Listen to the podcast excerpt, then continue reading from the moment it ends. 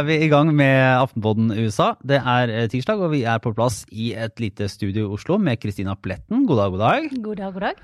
Eh, Og i New York, deg, Øystein Langberg. God morgen. God morgen, god morgen. Det er så bra å være i gang. Vi snakka jo forrige uke om at vi på en måte hadde nådd en av de første store milepælene i resten av valgkampen, hvis du kunne kalle det, da Joe Biden utnevnte Kamala Harris til sin visepresidentkandidat.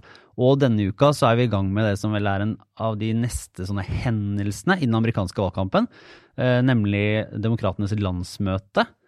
eh, Som er i gang, da da heldigitalt og gjort på, på merkelig og annerledes vis. og ganske, ganske fjernt fra det som er vanlig. Du har vel du har fulgt dette nå tett, Øystein, og allerede skrevet om det i, eh, fra, fra oppstarten. Kan ikke du bare si litt sånn kjapt hva som skal foregå de dagene som, som kommer nå? Er det fire dager det skal vare? Ja, det er mandag til torsdag, og på torsdag så er det sånn at eh, Joe Biden formelt skal ta imot nominasjonen fra partiet sitt.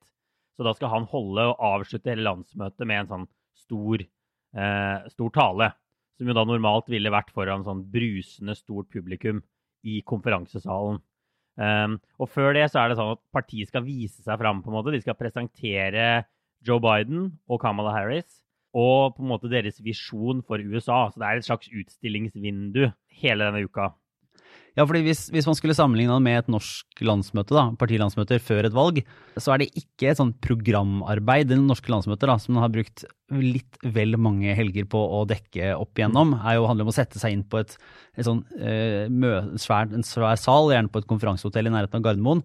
Og så sitter man og hører på sånne lange lange diskusjoner eh, fra ulike partimedlemmer som kommer opp og, og kommer med sin sak og med innspill til hva partiet skal mene. Og det er på en måte et sånn politisk verksted, da sier man med litt, litt store ord, og skal meisle ut politikken for, for den neste valgperioden. Men i USA så er det ikke det som er eh, sånn sett direkte formålet, Kristina. Nei, eh, og vanligvis så blir jo partiplattformen utarbeidet på forhånd.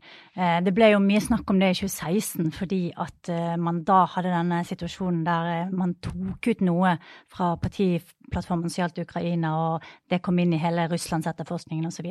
Men eh, på selve landsmøtet så er det jo liksom show og sirkus, og det er masse folk i kostymer, og det er ballonger, og det er videoer med sånn der, eh, litt sånn melodramatisk musikk, og veldig mye fokus på eh, biografiske detaljer om kandidatene. Altså man skal eh, på en måte gjøre de, menneskeliggjøre de, fortelle hvem de er, fortelle hva slags barndom de har hatt, og så er det forskjellige folk eh, som kommer og snakker om eh, eh, forskjellige faser av livet deres og sånn. Og så er det jo eh, folk som synger, og det er Jeg har vært på en god del av disse her, og det er veldig mye prester som skal eh, holde bønner, og det er sang av nasjonalsangen, og så det er liksom sånn super-super, det mest amerikanske du kan være med på, nesten. Men jeg lurte på, eh, fordi at av og til når du har vært og dekka landsmøter som journalist, så, så havner du inn i den bobla, og du er et, er et sånt sted, og alle er kjempeopptatt av det som skjer, og veldig interessert av det, og så kommer du ut av det på søndag, og så, så ser du bare sånn, typisk sånn ta taxi inn i, i Oslo eller kommer tilbake hjemme, og så ser du folk bare gå rundt. Det er vår, og det er en helt vanlig søndag, og de oppfører seg som om, ja, som om landsmøtet til KrF ikke har skjedd. Ikke sant? Så lurer på sånn, hva, hva er det? Det er ingen som, ingen som bryr seg om det her. Så spørsmålet er jo hvem er det egentlig som bryr seg om dette landsmøtet? Er det sånn at jeg hører jo De politiske nerdene snakker om at dette liksom definerer Joe Biden eller et eller annet prosjektet, men er det noen som følger med sånn ellers? Altså, eh, Barack Obama fikk jo faktisk sitt gjennombrudd på landsmøtet i 2004. Han holdt en helt fantastisk tale, da var han helt ukjent, fra Illinois.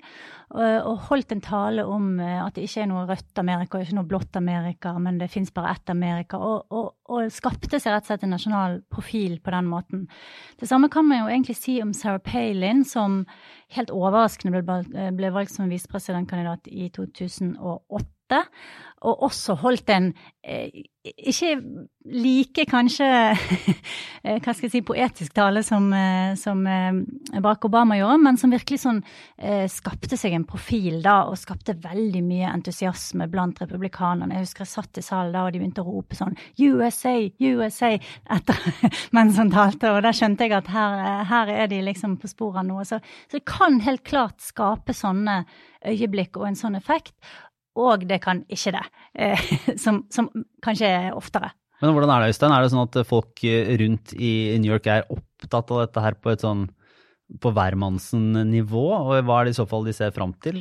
Nei, altså, det er, og det er det store spørsmålet, og særlig spørsmålet i år, hvor mange som egentlig kommer til å se på, og, og, og hvor opptatt vanlig Altså, Mediene er jo ganske opptatt av det, de har gira en del opp til det her.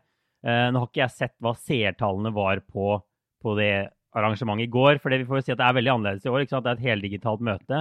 Det er mer en slags TV-produksjon, hvor de har satt sammen med masse klipp av ting de har laget på forhånd, og så er det noen direktesendte, ganske korte taler. Og det er på en måte det er på en måte hele greia. Det føles ganske annerledes. Eh, så, og det har vært en frykt for at folk ikke gidder å se på i en pandemi. Eh, når det, som vi sier, altså partiprogrammet er ferdig, alle vet at Joe Biden blir kandidaten, og det meste er laget på forhånd. At det ikke er den der nerven i det hele tatt. Men jeg tror da, bare for å ta det Kristina sa om, om Barack Obamas tale i, 2000, i 2004 er, jeg, jeg, vet ikke hvor mange som så den talen live heller. Det er en hel haug med taler gjennom et sånt arrangement. Men det som er viktig, er å lage sånne klipp etterpå, og så går ting viralt i sosiale medier. De aller fleste har sett den Obama-talen etter at den ble holdt. Mm. Og jeg tipper de veldig mange vil se Vi kan jo gå inn på det, da, men Michelle Obama holdt kanskje den sterkeste talen av noen på landsmøtets første dag i går. Og jeg tipper veldig mange vil se klipp og utdrag fra talen andre steder enn live på TV. Og der kan det godt hende demokratene har lykkes bedre enn ved tidligere landsmøter ved å lage sånne, sånne, korte, ekstremt delbare snutter med velgere og politikere. Som ikke Du har ikke han eh, guvernøren som bare drar ut eh, 20 minutter over tiden sin. ikke sant? For nå kan de klippe folk mm. og ha et mye mer stram regi. Så kanskje det er fremtiden. Hvordan var tonen til Michelle Obama eh, nå sammenligna med for fire år siden? For hun hadde jo et annet sånn ikonisk egentlig øyeblikk fra et landsmøte med den der 'When they go low, we go high'. Hun sa det i hvert fall i en tale i 2016. Det er et veldig sånn kjent uh, Obama-sitat. Jeg husker ikke om det var på et valgkamparrangement rett før valget eller om det var på landsmøtet. Uh, men hun var inne på det i går. Og det, av alle talerne i går, så er det jo sånn Det er morsomt at den tidligere førstedama er Vi må nesten kunne si den desidert beste taleren av de som var der. Og der var det politikere med, med eh, sikkert 1000 års erfaring mellom seg som snakket. Men, men det var en, en, kjempegod tale. Hun var inne på det samme igjen. Hun sier at de fortsatt må go high. Men hun eh, gikk jo litt mer low, da, gjorde hun ikke det? Ja, men at ikke det betyr at man ikke kan, kan slå til når man, når man, ser noe man ikke liker. Og på forhånd så hadde de, de brifa pressen om at hun kom til å være hardere mot Trump enn noen gang før. Førstedamene skal jo ha en litt sånn mer sånn monarkisk rolle. Mm. Litt tilbaketrukne, men hun, hun dælja til eh, mot Trump, og som var veldig interessant å se. og jeg fikk mye oppmerksomhet. Det var noen som spekulerte her, jeg så det var en eller annen analytiker, i at, i at demokratene ville ha en fight med Donald Trump, og at Donald Trump skulle slå tilbake på et eller annet vis, og, og dermed legge seg ut med Michelle Obama, som, som regnes som den mest populære liksom, politiske skikkelsen av alle de som skal tale på det landsmøtet, og sånn sett har en veldig sånn stor symbolsk rolle. Men jeg vet ikke om Donald Trump har, har bitt på det agnet ennå. Eh, men eh, var det, det var Bernie Sanders var også i gang der. Han eh, var forsonende og litt mer, litt mer varmt støttende enn enn man kanskje forventa tidligere.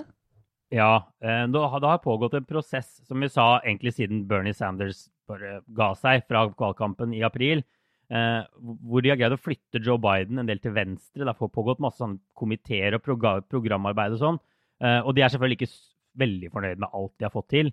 Men de har greid å flytte Joe Biden et stykke, og jeg tror også Bernie Sanders og mange er fornøyd med det. Og de har nå lagt seg på en veldig sånn forsonende linje. Det er ganske annerledes enn i 2016, hvor Bernie kanskje sa litt sånn halvhjerta Vi må stille opp om, om, Clinton. Nå har de gått all in med en, med en sånn fellesskaps melding, som var også Bernie Sanders' eh, budskap i går. som Bernie Sanders holdt den nest lengste talen. Så det var Michelle Obama og Bernie Sanders som var de store navnene på, på dag én. Og så er det vel da, altså det er, eh, det er vel er det på torsdag at eh, Joe Biden skal holde talen sin selv. Eh, og da er det vel venta at han, selv om ikke det er en sånn som, som vi om, det er ikke noe politisk program som legges fram som sådan, så, så er det en anledning han har til å si noe om faktisk hva han vil med Eh, politikken sin de neste fire åra, og hva han og Cameron Harris da vel skal få til sammen. Du har jo skrevet litt Kristina, i, i dagens Aftenposten om det liksom, politiske prosjektet til Joe Biden. Mm. Og eh, kan du ikke si litt om hva som tegner seg som hans måte, vei videre, og hva han skal prøve å selge inn til amerikanerne som, som det faktiske alternativet til Trump, da, ikke bare Trump ut? Um, det virker som eh, de legger seg nå på en linje som uh, ja, den er forsonende, som Øystein sier, men også veldig sånn eh, pragmatisk innrettet. De, eh, mottoet til Biden er 'build back better', altså han skal bygge USA opp igjen.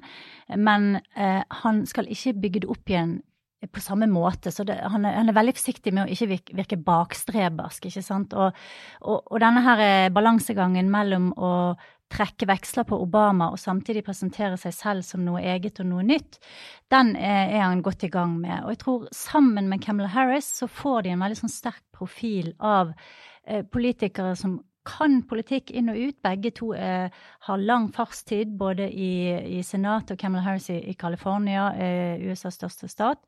Og så er det eh, eh, å, å, liksom skape politikk som er eh, moderat nok til at den er svelgelig for mange uavhengige velgere og får liksom sentrumskjerne i partiet, og samtidig ikke eh, gjør at de som eh, stemmer på Bernie Sanders, da føler seg eh, utelatt.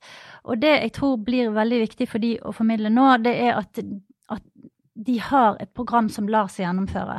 De har et program som de kan klare å få gjennom eh, Kongressen. At de faktisk kan ta fatt i noen av disse problemene som bare vedvarer og vedvarer og vedvarer i det amerikanske samfunnet. F.eks.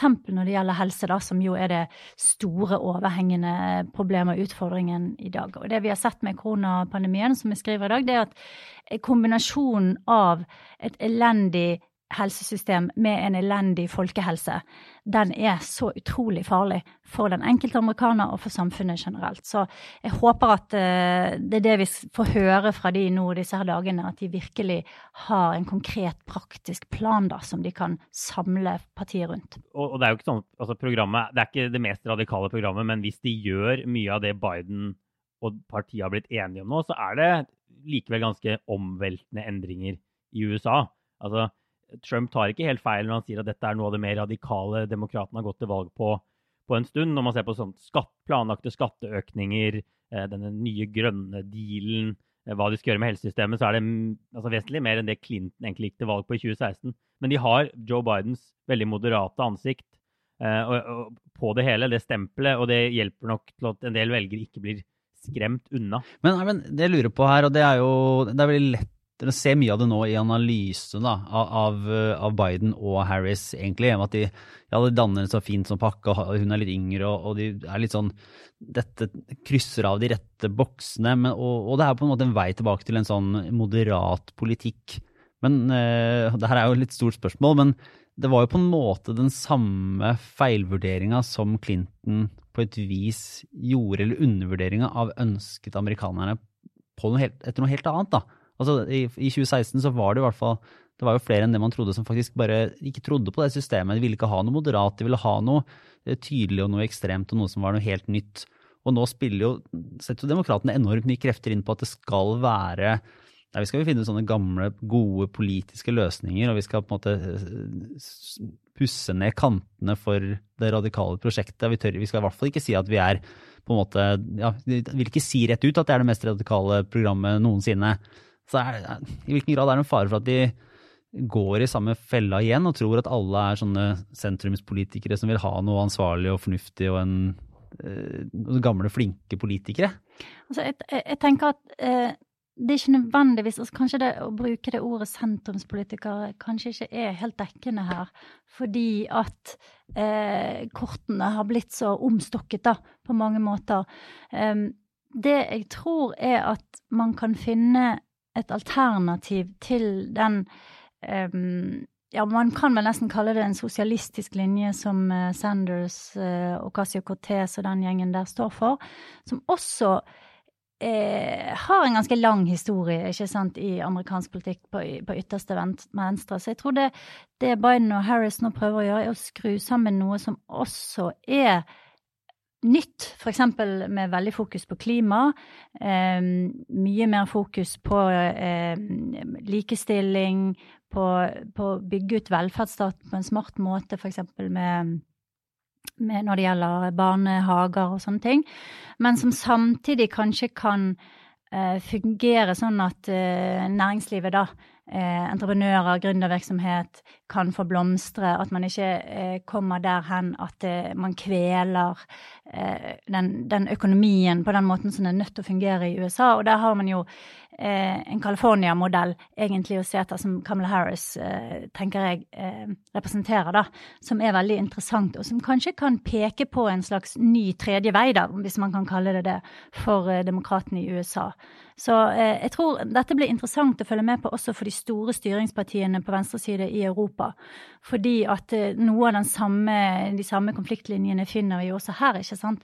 Sånn at det, hvis de kan klare å liksom formulere noe sånn som er helt nytt og banebrytende, men ikke nødvendigvis med utgangspunkt i ytre venstre, så er det spennende. Ja. Det virker kanskje bare litt komfortabelt da, for, den, for den, det etablissementet å si at nå trekker vi oss tilbake til et, et mer sånn tryggere prosjekt, heller enn å gå nytt. Men det er jo kanskje Bidens problem i utgangspunktet, da. Ja, og jeg tror bare, bare å si det, da, Biden har jo gått til valg hele tiden på en sånn nå skal vi tilbake til normalen. Trump er en, en outlier, han er noe spesielt. Og det fungerte kanskje OK i, i, i høst, i fjor høst. Eh, men det er jo egentlig blitt en bedre og bedre, et bedre, bedre budskap. Det er veldig, altså Appetitten Eh, hvis du tar parallellen til 2016, da, da, var det kanskje ting gikk jo ganske bra. Kanskje det var litt sånn appetitt for å teste noe nytt, eh, rive noen ting til grunnen, eh, ha noe uprøvd. Det er ikke sikkert folk er like sultne på en, på en revolusjon nå oppi alt annet de står i. Det er godt hende at Bidens budskap, og det er jo flere som har pekt på det, egentlig treffer bedre og bedre. Eh, den typen han er med empati, eh, en som skjønner hvor vondt folk har det. Nå skal vi på en måte i hvert fall bare få ting eh, tilbake til sånn det var. da. Og, og, og, og som vi sier, det er, ikke, det er, jo ikke, hele budskapet. De skal også gjøre en god del ting. Men eh, ja, jeg tror kanskje Biden er rett mann for øyeblikket likevel. Akkurat nå. Jepp. Vi kan egentlig gå videre til en sak som jeg har, uh, har og prøvd å vride hodet mitt rundt, og som dere kan prøve å hjelpe meg å forstå litt. For det er jo den store Det er jo egentlig fortsettelse av det vi har snakka om tidligere her også, om denne altså, forhånds- og fjernstemmedebatten, da. Der, der man både pga. Uh, koronaviruset og andre grunner vil måtte legge mer til rette, eller demokratene særlig, og, og mange vil legge mer til rette for at folk skal kunne stemme via posten og, og, og på forhånd. da. Eh, og det har Trump da vært veldig veldig imot. Hans uh, tydelige fiendebilde at dette er en veldig veldig dårlig idé. Og uh, siden sist så har det blitt en kjempedebatt om det amerikanske postvesenet, som er, er interessant. For der har jo da Dere kan fylle inn med fakta underveis her, skal jeg prøve å dra en slags skisse. Men det, det er jo da ansatt en ny postmaster general, en fin, god gammel tittel, som er en, altså en, en som har gitt penger til republikanerne og støtta Donald Trump. Eh, denne The Joy, som, eh, som, har kommet inn og gjort en del endringer som har eh, nå sies å ha medført forsinkelser da, i postgangen. Og så ja. har Donald Trump vært ute i et intervju og sagt at uh, demokratenes forslag om å inkludere penger til, ekstra penger til postvesenet i en sånn krisepakke pga. korona, at uh, ja, Jeg vet ikke helt hvordan han, har, altså hvordan han skal beskrive at han har sagt det, men han har jo på en måte konstatert at hvis ikke, blir, hvis ikke penger til Posten blir en del av denne pakken, så kommer ikke alle til å kunne stemme uh, via Posten til uh, høsten. Og sånn er det bare. Så det regnes jo som en slags politisk trussel. Ja, I utgangspunktet så kunne det bli fremstilt som at han, postsjefen, han driver et kostnadsprogram. Han har lagt ned forbud mot overtid, de går med store underskudd. Eh, det er en helt separat greie fra dette med poststemmer. Men så kommer Trump, ringer opp til Fox News, som han jo gjør flere ganger i uka, og trekker den lenken direkte og sier hvis ikke Posten får mer penger, så kan de heller ikke håndtere, håndtere poststemmer. Og så er det jo plutselig da blitt eksplodert til å bli en kjempesak, og så kan mediene lage, kan skrive at Trump nærmest kommer med en trussel eh, og holder tilbake penger med vilje for å, for å ødelegge demokratiet. Og da har du det gående. Ja, for det, da, da, er jo nå, det har jo kommet, så nå vil jo demokratene da også komme så vidt jeg har forstått, Den ene delen av krisepakka er et eh, forslag også om at man på en måte ikke skal kunne kutte i penger til Posten, og at Posten må operere på samme vis som den har gjort eh, til nå. Og da, eh, det, er bare, det, er veldig gjenkjennelig fra en del norske debatter, mye av det som kommer her, da, som, som handler om offentlige tilbud og, og distrikter og hvordan det skal på en måte tilbys i hele landet. Eh, og litt sånn sett fra et norsk perspektiv, der man har gjennomgått en del effektivisering av postvesenet, og det er ikke er snakk om full postombæring mange steder, og postkontorene knapt nok fins. det er jo post i butikk og alt det som gjelder, så framstår det jo, når man ser på det amerikanske postvesenet, som det er rom for å faktisk modernisere litt, da. Så ikke det nødvendigvis er, er en idiotisk idé. Altså, uh, Wall Street Journal har en interessant leder denne uken der de bl.a. påpeker at det er en, en postmann som uh, går 191 eh, miles, eller han går vel ikke, men han kjører, da, eh, som er noe sånn som eh, 350 km. Det er løypen hans i Montana. Mens en annen må levere nederst i Grand Canyon med sånn muldyr. Så det er liksom helt klart at det er Alle som har vært på postkontoret i USA, vet at eh, det, det, kan være lurt å tenke litt på modernisering. Um, men når det er sagt, så er jo det dette her er jo, det er jo plutselig blitt en sånn veldig sensitiv ting, der demokratene frykter eh, at man eh, bruker skitne triks for å holde tilbake eh, stemmer. Eh, det har jo republikanerne gjort på, i en del valgdistrikter. ikke sant? Prøvd å stenge lokalene tidlig, prøvd å masse, eh, legge masse hinder i veien da, for at folk skal få stemme. Og så, så, du har det på den ene siden, og så har du på den andre siden en, tenker jeg, en legitim eh, kritikk av måten postkontoret blir drevet på, og en diskusjon som bør tas kanskje etter valget, da, om, ja. om finansieringen. Mm. Ja, Vi kommer jo av og til med sånne hyllester av norske systemer på den poden her. Altså Bankvesenet var det for noen uker siden. Og det er på tide å komme en hyllest av post i butikk. Fordi å gå, på, å gå på posten Jeg var på posten for noen uker siden og skulle kjøpe frimerker. Egentlig til å sende denne sjekken min til skattevesenet, som jeg må sende en gang i kvartalet her. Eh, og da bestemte jeg for å kjøpe så mye frimerker jeg kunne bære med meg, fordi der skal jeg ikke tilbake eh, på en stund. Det var lang kø, utrolig skittent, sur, veldig sur stemning. Uh, og jeg har jo også opplevd postkontoret i Belgia. Jeg var jo europakorrespondent i tre år. Akkurat samme opplegget med disse liksom, veldig sånn, trange åpningstidene, lange køene for å få ut en pakke eller for, for å få kjøpt seg frimerker. Uh, så jeg tenker definitivt at det er rom for å gjøre noe. Og dette postsystemet har gått med underskudd i mange tiår. Uh, eller, eller det har gått med store underskudd i hvert fall ti år.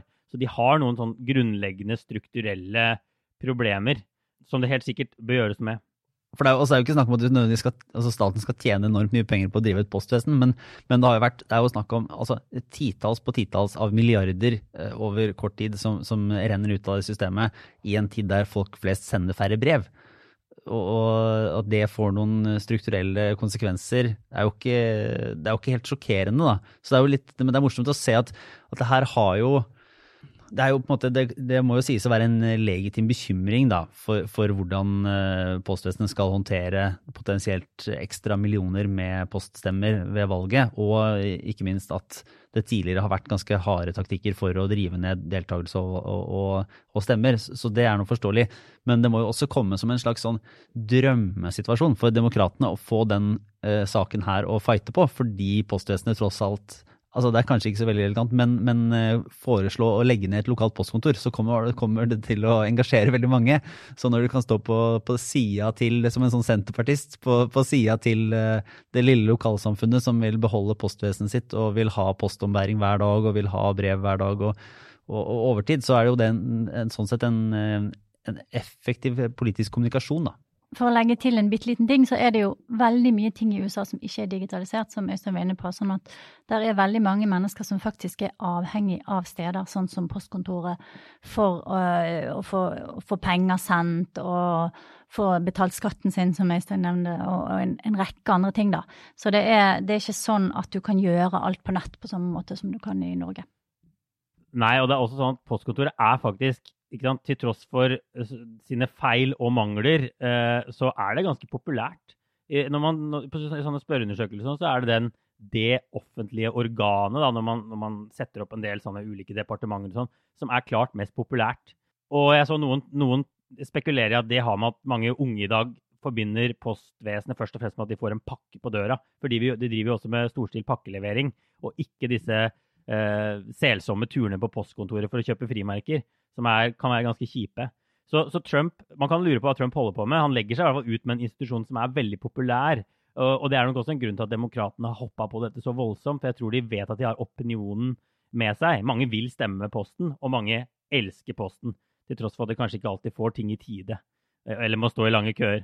Var, eh, var, Posten det samme som den gode gamle Ponnyekspressen, eller var det privat, eh, en privat konkurrent til Postvesenet? Men nå er Postvesenet også som i den Kevin Costner-filmen Postmannen, eller noe sånt, var det ikke det? Nei, hva het den for noe?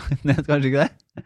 Som også var en sånn etter gjennom vind og snø og eh, krig og alt mulig rart, så var det å levere brev. Det, her, Ja, det har jo en sånn ikke- romantisk eh, liten eh, forhistorie i, i kulturen også, dette her. Jeg, jeg aner ikke hva du snakker om, Lars, men i Seinfeld så er det en frykt... Seinfeld har jo en nabo, jeg er jo et barn av 90-tallet, og han er jo postmann Newman. Og i en av episodene så er det sånn at Seinfeld tar over postruta til Newman. Jeg tror det er for at han skal få han til å flytte til et annet postkontor. Eh, og så finner postvesenet ut at Newman ikke kan ha gått med posten. Eh, og årsaken til at de finner ut det, er at 80% av posten har kommet frem, og ingen i postvesenet har tidligere klart å bryte 50 %-grensa. Så de, de er vel noen noe man elsker å hate litt, kanskje. Ja. Eh, nei, er det noe vi har glemt eh, da, tro?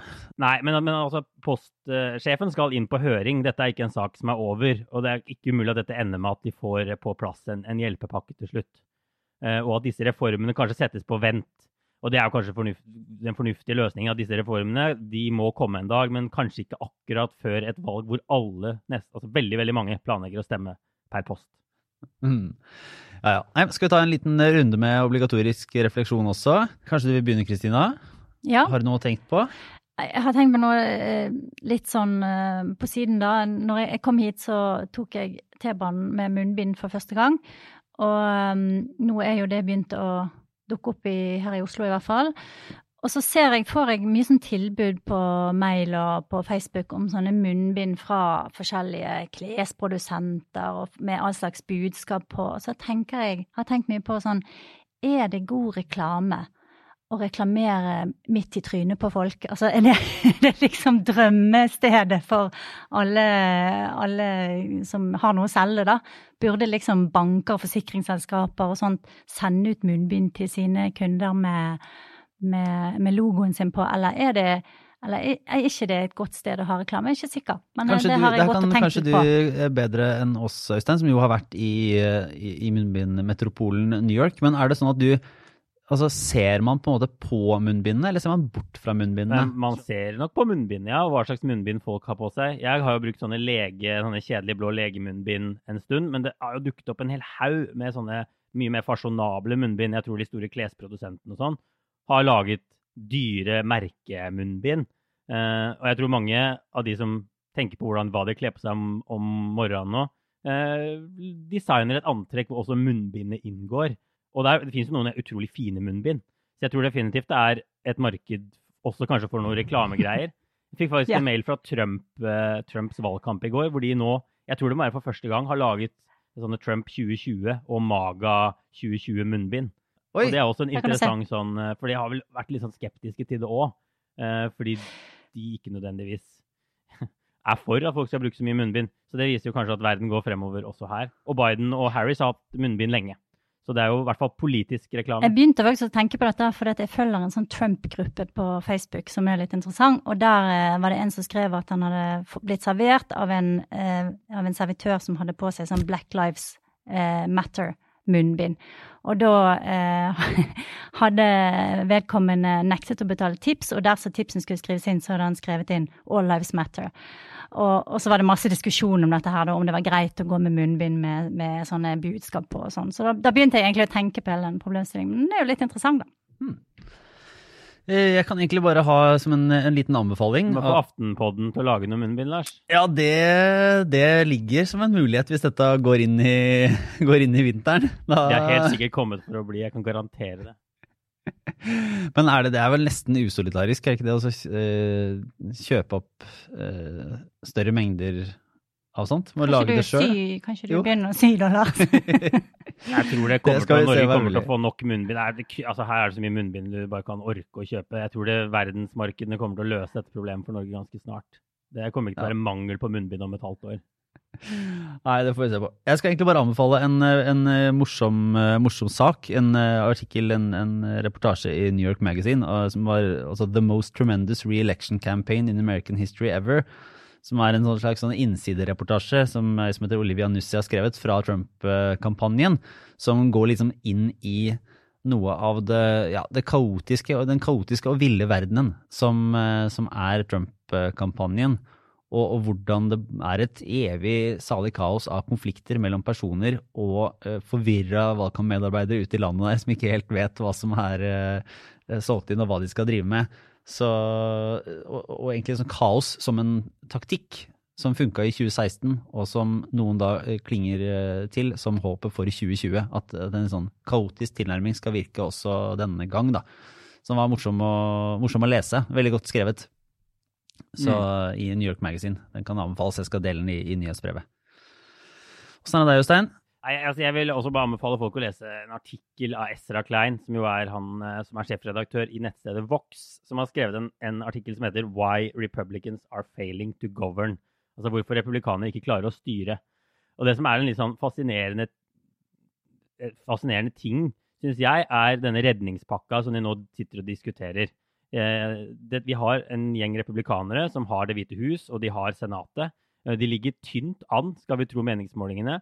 Eh, og så vil demokratene pøse penger inn i økonomien noen få måneder før valget, slik at folk skal ja, i hvert fall ha noenlunde like inntekter som før. Da. De skal gi folk, Det er jo veldig veldig mange arbeidsledige. De skal få like romslige ordninger som de har hatt siden starten av koronakrisa, istedenfor å få et stort kutt i arbeidsledighetstrygden sin nå. Og så går ikke republikanerne med på det. Og det er jo egentlig utrolig interessant hvorfor de ikke gjør det. fordi ja, det er jo helt sikkert en del ideologer sånn, som er liksom skeptiske til å bruke mer penger.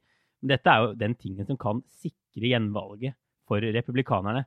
Så Klein skriver litt om hvor lite ideer de har, dette partiet, på sånn helsereform. De vil egentlig bare skyte ned ting. Mange drømmer aller mest om å drive kulturkrig, også når det er pandemi. Eh, de ønsker ikke å styre landet, mener han. Eh, og selv ikke bare det å, å sørge for at du kan bli gjenvalgt av å få vedtatt en enorm redningspakke, det, selv ikke det går de med på.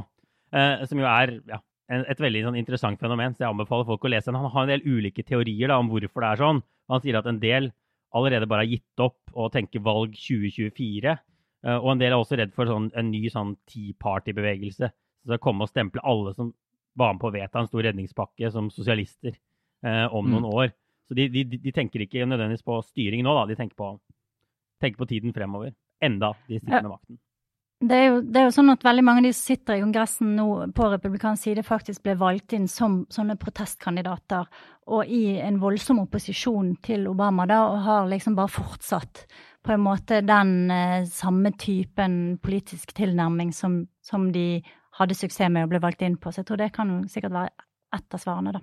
Det blir jo veldig interessant å se om den dynamikken måte speiles på venstresida etter hvert som det kommer inn flere radikale kandidater der som, som også i, som går i opposisjon til uh, hovedstrømningen i partiet og vil, vil, stå veldig på den rene og ranke aktivistiske sida. Det gjelder kanskje ikke akkurat denne saken, men man kan fint se for seg fremtidige kompromisser som uh, kan eller burde inngås med helheten. Ders, også særlig dersom de får et flertall og, og det blir et Biden-styre så er det interessant å se om de kommer til å like, holde seg like aggressive og være like vanskelig å få et fellesskap på demokratisk side. Så jeg vil egentlig bare avslutte med at det jo er, snart er republikanernes landsmøte også. Og der kom det i dag et par ordentlige godbiter på ting de skal ha, altså folk som skal prate der. Det var jo blant de som har snakka for demokratene, så var det familien til George Floyd. Det var jo også eh, en del andre som, som kom inn og snakka på sånn lokale aktivistnivåer som er, som er lina opp. Men det er to litt sånn virale eh, suksesser som nå visstnok er lina opp for republikanerne. Det ene er han hvis man husker den saken som var i Washington DC, det er en sånn skoleklasse med, med en katolsk gutteskole som ble anklaga for å trakassere en sånn trommespillende eh, altså Native American som, eh, foran Lincoln-monumentet. Og de ble hengt ut eh, for hele verden, og så viste det seg vel at han var en slags provokatør som hadde ja, vel så mye skyld som dem i å, å, lage en spent stemning, da. Men han ene gutten som et, etter hvert også ble tilkjent en enorm erstatning, tror jeg, fra New York Times, skal visstnok da tale på landsmøtet til republikanerne. Og den andre, som er enda bedre, er hvis du husker det bildet som har vært nå fra protestene i vår, av et sånn ektepar som var liksom Bonnie and Clyde med våpen utafor huset sitt. De skal også være med! Det er, det er så bra! Det, det, er bare å glede seg. De sier jo at demokratene har planlagt en sånn eh, digitalt årsmøte siden i sommer, mens Trump har jo egentlig ønsket å ha en vanlig sånn landsmøte helt fram til nå. Så det, det sies jo at republikanerne er vesentlig dårligere forberedt enn enn demokratene på å lage sånne videoer og ha velgere over hele landet og sånn. Så det skal bli veldig interessant å se hva de smeller sammen. Men det høres jo, høres jo interessant ut. Men jeg lurer på vi skal runde av der og, og, la deg slippe ut i arbeidsdagen din, Øystein. Du har intervjuavtaler og ting å jobbe med på morgenkvisten i New York, og vi skal fortsette her i Oslo. Uh, tusen takk, Øystein. Takk, Kristina, for at du var med. Så er vi tilbake på torsdag med en norsk utgave av Aftenpodden. Det var det for denne gang. Ha det bra.